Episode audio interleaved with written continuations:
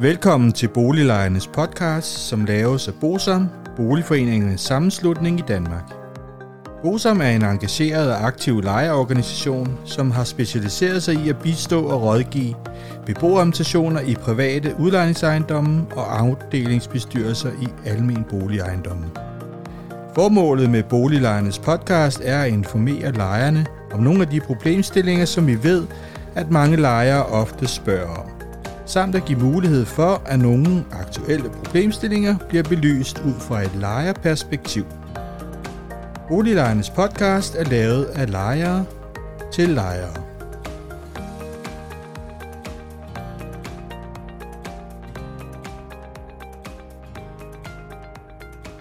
Velkommen til Boliglejernes podcast. Mit navn er René Sur, og jeg arbejder i Brosom. I dag skal vi have et specialafsnit i serien Balladen i Frederiksberg Boligfond. Det er et interview med Jens Simonsen, som sad i Frederiksberg Boligfonds bestyrelse fra 1998 til 2005, og deraf var han formand fra 2000 til 2005. Det er et øh, telefoninterview, og derfor er lyden en lille smule dårligere i plejer her. Selve interviewet er i to dele. Først fortæller Jens lidt om historien, mens han sad der, og i anden afsnit, der vil vi især komme ind på skøde og noget af den finansiering, der var med bankerne og den slags ting. Først og fremmest så tak, fordi du var med, Jens. Ja, velbekomme. Kan du ikke starte med at fortælle lidt om, hvem er Jens Simonsen, og hvorfor er han relevant i forhold til Frederiksberg Boligfond? Det kan jeg godt. I forbindelse med valget i til kommunalvalget 2 i, i 1997, der skulle der udnævnes øh, nye kommunalbestyrelsesudvalg øh, øh, medlemmer til bestyrelsen i øh, Frederiksberg Boligfond. Og der gik man fra seks bestyrelsesmedlemmer til ni øh, bestyrelsesmedlemmer, så der skulle udnævnes tre af kommunalbestyrelsen. Og det blev så Flemming Brank og mig fra de konservative. Og så var der udnævnt med SF'er. Jeg tror, det er Morten, så vidt jeg husker. I forbindelse med det, så skulle der jo være en konstituering af bestyrelsen. Og øh, der var åbenbart lidt, lidt mudder i, øh, i bestyrelsen, udover de tre øh, kommunalbestyrelsesvalgte medlemmer. Var der jo de tre beboere og de tre fra KB-fonden, og de skulle så blive enige. Det har været øh, Birte Rosted, der har været formand siden fonden blev stiftet. Ja, altså KAB udpeget. Ja, og øh, man, skulle, man havde en idé om, at man gerne ville være enige om, hvem der skulle være formand og næstformand, når det de beboervalg. De havde været klart til gengivet, at de ville ikke have Grete Rostbøl ind som formand, som ellers meget gerne ville, ville være formand. Og derfor blev vi enige om at genvælge Birte som formand, og ja, Christiansen som næstformand. Og, og, og Christiansen, han er jo den gamle visborgmester, ikke? Jo, ja. Christiansen havde været visborgmester tidligere, men var trådt ud af kommunalbestyrelsen. Han var også valgt for KRB-fonden. Hans betingelse var dog, at han ville kun sidde en halv periode, og han mente, der skulle nogle yngre kræfter til. Og, øh, og det lavede man ligesom en aftale om, at når der var gået to år, så skulle der laves en ny bestyrelse. Ja, sådan blev jeg medlem af, af bestyrelsen i, i Frederiksberg Boligfond. Der, jeg, jeg blev meget overrasket, da jeg kom ind over, hvor meget råd der egentlig var. Jeg tænker på, nu sagde du jo lige, at man udvidede bestyrelsen fra 6 til 9. Hvad var der før? Jamen, der var to fra KRB-fonden, og to fra beboerne, og to fra kommunalbestyrelsen. Ja, og så er det i forbindelse med, at man ændrede vedtægter. Så kom der 333, ja. som vi kender i dag. Ja. Ja. Ja. ja, det er jo bare lige så alle ligesom er klar over, ja. at det, det er noget, der ja, har ændret sig. Ikke? Men, men, men Flemming blev udvalgt fra KRB-fonden, og jeg blev fra Frederiksberg kommunalbestyrelse. Okay. Ja. Øh, og det blev Grete Rosbøl også. Og, og Grete, hun er den gamle minister, ikke? Så vidt jeg husker. Jo, ja. kulturminister, ja. ja. Okay, og så siger du, der var meget rod dengang, eller hvad? Det... Ja, altså, da, da jeg først mødte op til, til første bestyrelsesmøde og fandt ud af, at, at regnskabet, det, øh, det lå lidt i ruiner. Ja. Det havde det gjort, det havde det gjort de sidste par år inden. Der var kommet nogle revisionspåtrængninger, som ikke var særlig uh, flatterende. Blandt andet, om man ikke vidste, hvor fondens penge var henne. Okay, det lyder ikke så godt jo. Nej, men jeg tror, at man havde blandet lidt sammen med, hvis, hvis penge, der var tilhørt Frederiksberg Boligfond, og hvis penge, der tilhørt Privatbo. Ja, fordi privatbo var administrator dengang, jo. Ja. Ja, Og deres øh, nye system til altså deres administrationssystem derinde, det var brudt helt sammen, hvor man kunne ikke finde ud af, hvor pengene hørte til det ene sted eller andet sted. Så der, der var revisorer inde og sidde og prøve at finde ud af det, og der blev holdt i starten holdt et birte møde med, med privatbo øh, hver 14 dag for at finde ud af, hvor langt man var nået ja, ja. med, med at lave en, oprettelse, en opretning. Men hen der mod omkring i sommertid, det må være i år sommeren 98 og sådan noget, Ja. ligesom på plads, så det kørte lidt, og man havde fået lavet de konti, der skulle til, og, og fundet ud af at putte pengene ind de rigtige steder. Og så blev Christian Siverslet ansat til ligesom at styre det, og det var han ret god til. Og, og, og Christian, han var jo øh, tidligere ansat i revisionsfirmaet, så vidt jeg husker, ikke? Jo, han var søn af, af den ene af revisorerne. Ja, den ene Der- partner der, ikke? Østberg Siverslet hed det. Så hans far kunne ikke længere være revisor, så det blev i Østberg i stedet for. Det er også sådan, jeg husker det. Det, ja, ja, men det var sådan, det skete. Efter de der to år er gået, og vi kommer frem til, ja, det er omkring årtusindskiftet, må det jo blive, for det var 98 Ja, det var til, til forbindelse med aflæggende regnskabet i år 2000. Øh, det om, ja, til Sankt Hans, det omkring. Der var det så, at, øh, at man skulle øh, finde en bestyrelse. Og der har faktisk Flemming og mig haft et møde med Birte og Jørgen. Og, øhm, og der blev de så enige om, at vi delte det. Og Birte har jo både været formand for Privatbo og Frederiksberg Boligfond. Og det synes vi måske var en lidt dårlig idé. Så derfor så blev vi enige om at dele det. Så den ene, den ene blev, så vi valgte to, og det blev så Flemming og mig, at den ene skulle så være formand i Privatbo, og den anden i Frederiksberg Boligfond. Og det, øh, det blev vi så enige om, og det blev valgt på bestyrelsen, på bestyrelsesmødet her sommer 2000. ja. Jeg kan jo godt, hu- jeg kan jo godt huske den gang, og jeg kan også godt huske, nu sad jeg jo øh, over hos Københavnerfondene, som jo er den anden halvdel af privatbo. Kan du, kan du huske generalforsamlingerne? Ja, ja, det var jo en farce i sig selv. Talte I nogensinde, fordi der var jo i forbindelse med, at man stiftede privatbo, så var der jo også en aftale om, at øh, øh, kasketten i privatbo skulle ligesom gå fra side til side der i hver, hver andet år. Talte I om den problematik? Det er da rigtigt, nu når du siger det. Jo, det gjorde man nok. Øh, man snakkede med Københavnerfondens repræsentanter, hvad Ville Strandby og, Og Edith, ja. Edith, ja om, om hvordan der var ledet. Så de ville gerne nøjes med at være næstformænd, og, øh, og så kunne vi... De, de, har ingen, de har ingen intentioner om at skulle være formænd. Så det, det øh, var der aldrig diskussion om. Okay, jamen det var bare lidt, lidt, lidt nysgerrighed. På det tidspunkt, hvor jeg så overtog formandskabet, der var vi jo i fuld gang med at, at snakke om renoveringen af, af Laura Sørensens skov. Det har man arbejdet på et par år øh, for at finde frem til en løsning, og det blev øh, lavet som en, sådan, efter øh, øh reglerne om aftalt boligforbedring. Øh, og der havde man lavet et udkast til et projekt, og det havde- var lavet af Carsten Porsons tegnestue. Og øh, vi var ude og kigge på ejendommen, og vi diskuterede det og havde nogle møder om det. Jeg synes, det var meget dyrt. Øh, men så øh, lavede man det som en partneringaftale, så man løbende skulle finde ud af, om noget var for dyrt eller for billigt, eller hvad man, hvor meget man ville øh, renovere. Og det løb så frem der til, ja, i løbet af efteråret 2000 og, og 2000, ja. Så omkring i januar 2001, der underskrev man så den her partneringsaftale. Det blev udskudt nogle gange, og så skulle der være forhandlinger med beboerne om, øh, om hvor meget de ville være med til at betale, og hvor meget kunne laves på ejendommen. Og, og jeg havde ligesom den idé, at når man gik i gang med så stort et projekt, så skulle det øh, også være en løsning, som var levet op til, til nutidens standarder. Så skulle man ikke spare en smule for, for at lave en halv løsning, som man skulle i gang nogle år efter igen. Og vi nåede sådan set frem til øh, et projekt. Øh, altså, jeg havde sat som grænse, at de skulle give øh, 500 kroner om måneden. Og det skulle så stige der efter 8 år. Ikke? Og øh, så var der meget diskussion, fordi øh, man skulle øh, lave nye installationer i køkkenet og sådan noget, så man kunne ikke bruge de gamle komfurer. Der var noget med gastryk. Så øh, løsningen blev, at, øh, at vi blev enige om 450 kroner, og så øh, gav fonden nye komfurer til dem, der ikke kunne bruge deres gamle. Så det var sådan en pragmatisk løsning. Og så gik vi i gang med det. Det var et større projekt, jo. Øh, jeg tror, det var løb op i omkring 130 millioner. Der var altså nogle øh, hurdler undervejs. Men i og med, at det var aftalt sådan en, øh, en partneringaftale, så skulle øh, entreprenøren og, og fonden jo blive enige om, hvordan der var ledet, så hvad det skulle koste, og hvad der skulle laves. Og de har haft to år til at registrere ejendommen. Man mente, at de har haft rig mulighed til at se på alle de her forhold, der kunne være tvivlsomme. Blandt andet begyndte de med noget med, at tagkonstruktionen ikke kunne bære, hvis man lavede om og så videre.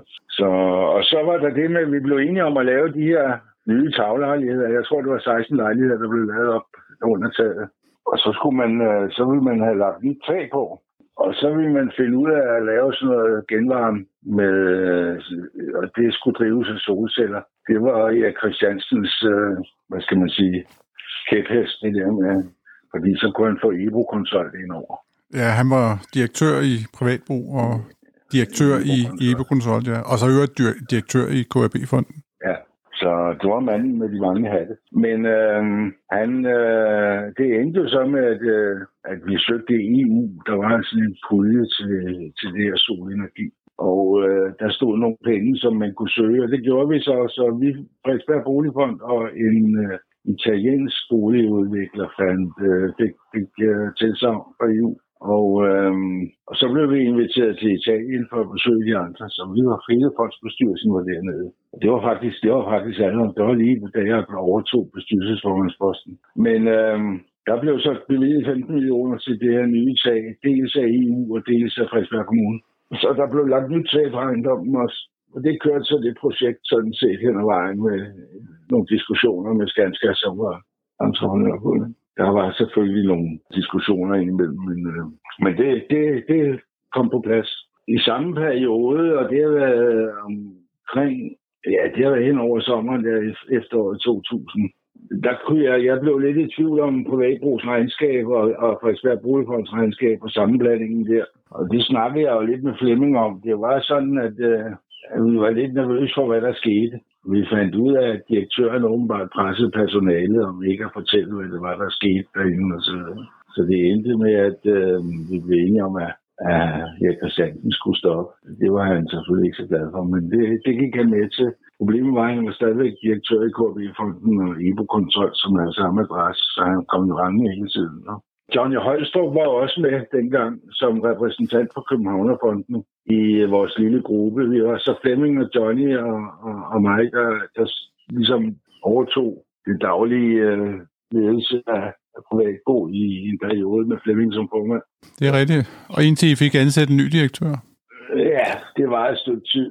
Øhm, men vi prøvede forskellige muligheder, også at finde ud af øh, en, fornuftig konstruktion, fordi der var et eller andet i den der konstruktion af privatbrug, som ikke rigtig fungerede. Men så begyndte jeg at jeg sad sammen med Johnny nogle, nogle eftermiddage inde der i Kommunistra og kiggede på regnskaber. Vi bad om at få udledet nogle af, af regnskaberne. Direktøren, der Christiansen, havde fået ansat en ny revisor for, for Frederiksberg Boligfond og for Privatbrug. Og det synes vi var noget mærkeligt noget, at man kunne det uden om bestyrelsen.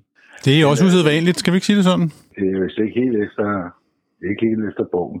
Men øh, vi gik så i gang med at kigge på blandt andet på momsregnskaberne og fandt lidt ud af, hvordan man skaffede likviditet i privatbogen. Ja, blandt andet havde de bogført øh, momsregningerne for første kvartal i, i fjerde kvartal over inden. Så fik man hurtigt udbetalt den negative moms. Ja, det er klart, det er klart. Det var, der var mange forskellige ting. Og så og det er jo sådan en ting, revisor med det samme bør observere, når man kommer. Så vi blev vi indkaldte revisoren øh, til møde på Frederiksberg Rådhus, øh, på Flemmings kontor. Der. Og der spurgte vi så om, hvad, hvad det var. Så siger øh, påstår I, påstår I, at jeg, jeg sidder og lyver over for jer? Og der må jeg være ærlig og sige, ja, det, det tror jeg faktisk, du gør. Øh, og jeg synes, du skulle stoppe som revisor. Og, øh, og så genansatte vi Østberg på det tidspunkt. Og, øh, og så var det ligesom, vi prøvede at komme videre derfra, Østberg hjalp med at få på øh, reglerne. Så det, det viser sig at han havde presset personale der til, til at lave det her regnskab, selvom de godt vidste, det var forkert. Det kom på plads der, og så kørte det langsomt videre, og vi Flemming trådte ud af øh, formandspladsen i, øh, i bestyrelsen der. Og øh, der blev udnævnt en ny formand på Privatbo som hed, hvad hed han, Knud Gleje, en tidligere, så han kom fra Karl G. Bak. Ja, det er rigtigt, ja. Der har han været ja. direktør eller et eller andet den stil, ja. Ja, ja. Han blev så bestyrelsesformand og, og skulle finde ud af at få ansat en ny direktør. Og øh, det gjorde han så henover. Det tog, han havde et eller andet konsulentfirma til at hjælpe. Der blev Knud Gleje ansat øh, som formand, og, og så kom i det Niels Poulsen, som kom fra Roskilde Boligselskab. Ja. Han holdt ikke så længe, så vidt jeg husker. Nej, for han troede, det var en almindelig selskab, han var kommet ind i. Så øh, han lavede samme arbejde som øh, de almindelige chefer Og han var meget, meget nemmere at, øh, at køre rundt med. Det var ikke sådan øh, så godt, fordi og det er jo også et af problemerne, at, at, konstruktionen omkring privatbo og alle de her beboerrepræsentanter rundt omkring, de ringede jo ind hele tiden og ville diskutere det ene eller andet, om det nu var rigtigt, om ejendomsministeren gjorde det ene eller andet. Altså i stedet for, at man havde en fast øh, procedure, om man gik til så gik man, skulle man gå til sit bestyrelsesmedlem, så skulle han gå videre med sagen, som ikke privatbo brugte alt deres tid på at sidde og administrere de enkelte, skal man sige, problemstillinger med den ene og den anden, med fraflytning og alt sådan forskelligt. Det, det, det gjorde, at de fik alt for meget arbejde i forhold til, hvad de egentlig blev afregnet for. Og der skulle ligesom have været en ledelse, der, skal man sige, satte det i system, så man fik det ind på en måde, at og så skulle han selvfølgelig sidde og tage stilling til simpelthen, og ikke på øh, de forskellige øh, ejendoms øh, funktionærer derinde, eller hvad de hed, de der legemedarbejdere, de havde.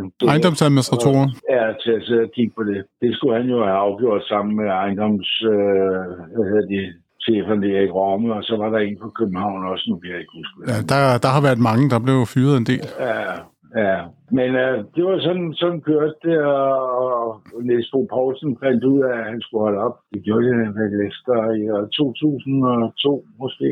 2001, ja. 2002. Altså, altså, jeg husker det ikke mere, end han, han var der nogle måneder. Ja, et halvt år. Ja, sådan noget lignende. Det var ikke, det var ikke lang, særlig lang tid. Og det var ret nemt, det var, det var inden for prøvetiden, tror jeg, han, ja. han røg ud. Det var vel det, der skete der. Så kørte det videre. Hvor langt er vi nået? Ja, så er vi jo et, i to stykker, hvor der så bliver ansat en ny direktør. Og... Ja, det var først senere. Der var, vi kørte i, i et års tid, hvor der ikke var nogen uh, direktør. Så blev, så blev uh, formanden enige om at, uh, at spørge Troels Bære, som sad i privatbrugsbestyrelse. Ja, som ekstern medlem, ikke? Ham fik han så ind som, uh, som direktør. Ja, og han, og han sad nogle år i hvert fald, ikke? Ja, ja. Men hvad skete der ellers? Jamen, vi gik jo videre. Vi fik jo øh, renoveret øh, af Sørensens gård med, med efter, jeg tror også efter beboernes øh, mening, et godt resultat, selvom det var det var jo en hård proces, og de skulle genhuses og tilbage igen og alt det her forskellige. Men altså, som tiden gik, så blev det færdigt og fik, fik et flot resultat. Og, øh, og så skulle vi videre med, øh, med renovering af de næste ejendomme og fik øh, tildelt det aftalt boligforbedring også for, for den næste ejendom. Øh, jeg tror, det var bare Fodskov. Der lavede man så den halve løsning, som jeg ikke rigtig kunne lide. Men det blev lavet. Det var man kunne blive enige med, med beboerne om. Og det var vel egentlig også et meget godt projekt. Det var så en anden, øh, en anden arkitekt, der lavede det.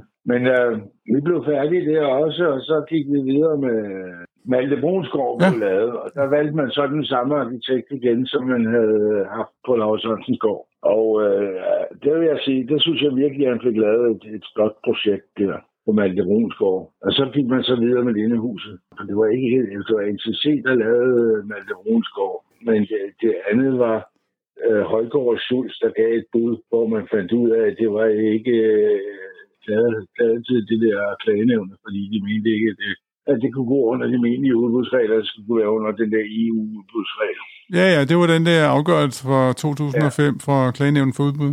Samtidig så havde vi øh, blevet tilbudt øh, at købe tre ejendomme over på Nimbus-grunden som vi opførte tre.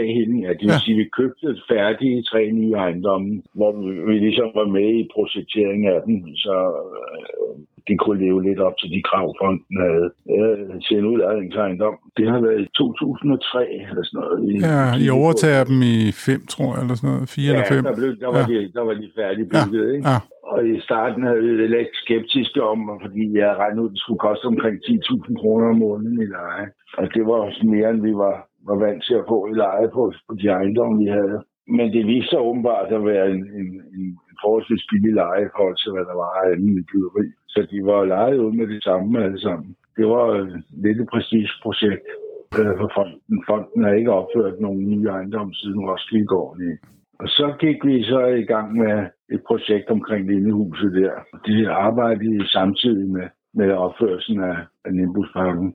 Og øh, så kom de beboerne fra Roskildegården og også ville øh, renoveres. Øh, og der kunne man så ikke få aftalt boligforbedring til. Men det var ved at være meget, meget nedslidt, så man lavede et fælles projekt, øh, et sammensnit, et samarbejdsprojekt mellem beboerne og fonden, hvor man øh, kom frem til, til, hvad man ville lave, og hvordan og hvorledes. Så man kunne sige nej, hvis man ikke ville have det lavet. Altså, man, man skulle have lavet nye badeværelser, det fik det. Men så kunne, de, øh, så kunne de sige nej til at få nye køkkener, hvis ikke de ville betale for det.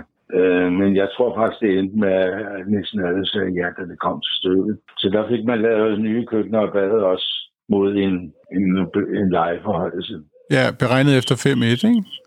Jo, det var egentlig, det løb meget, meget stille og roligt af det projekt der. Jeg kan ikke mindes, der har været de store diskussioner med beboerne der overhovedet.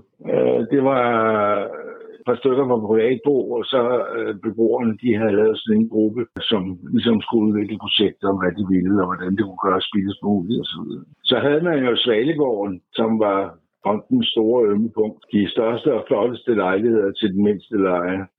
Og øh, det var ved at være så nedslidt, så øh, der var så mange reparationsomkostninger på den hele tiden. Så, så den, øh, den gav ikke kæmpe underskud. Der blev man så enige om at lave de her 5-2-løsninger som en prøve. Og det gjorde man med, med en 3-4 lejligheder og kom egentlig frem til et rimelig godt resultat, som også stadigvæk var en rimelig husleje på lejligheder i den standard så skulle man have skiftet nye vinduer, eller nye vinduer, både der i Peter Bangs hus.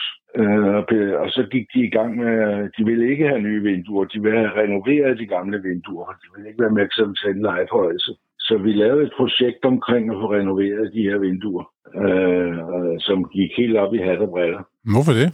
Ja, fordi da man gik i gang, så fandt man ud af, at der var noget bly i malingen der, man skulle skrave af og så videre. Så de skulle gå rundt i beskyttelsestøj, stakkels arbejder, og, øh, og det blev aldrig godt. Altså, og midt i det hele, så, øh, øh, så blev arbejdet stoppet, fordi de, de kunne ikke leve op til den kontrakt, de havde lavet, entreprenøren. Og øh, øh, arkitekten, altså rådgiveren, døde, og... Øh, og så stoppede, så lå det faktisk stille, tror jeg, i halvanden år. Eller sådan noget. Øh, I Peter Bangs hus, der var de hurtige til at sige, at de ville hellere have nye vinduer. Og, og der lavede man så sådan en, en aftale om en, jeg tror, det var en femårig lejestigning.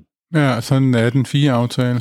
Ja, ja, ja, ja. Fordi så var de over den ret hurtigt. Øh, og så sagde fonden, de betalte 60 procent, og beboerne 40 procent så var de ude af det, og det gik smertefrit og nemt, og blev et pænt resultat. Men Svalegården, de var ikke rigtig til at med at gøre. Det endte med dog, at, øh, at to år, tre år efter, det var så efter, jeg stoppede. Det har nok været i 2007 eller sådan noget, der, der fik de så nye vinduer alle sammen alligevel.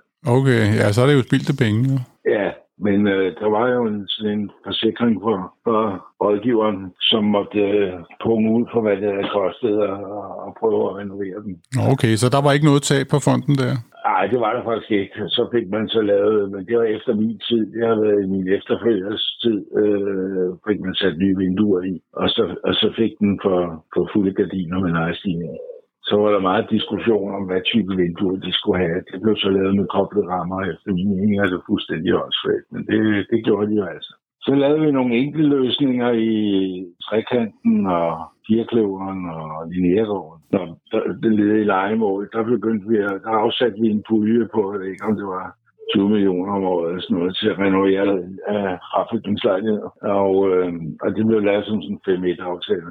Okay, ja. Du sagde før, at i, i Svalegården, der var I, begyndte de så at udleje efter 5-2. Det gjorde man for dem, der blev renoveret. Altså, det endte med, med, der blev også lavet nogle taglejligheder. Jeg tror, det var en 10 stykker eller sådan noget, man fik lavet så stoppede jeg. Så jeg kan ikke fortælle noget. Nej, nej, nej, men det er jo mere... Det, det var, jeg skal bare forstå det sådan, at det var, det var der, I, sådan, uh, I startede på, på det der 5-2-udlejning. Det var Svalegården med de første. Ja. Og så lavede I nogle, nogle renoveringer, du siger, den der 20 millioner, men så udlejede I jo så til 5-1. På Lilleærgården og...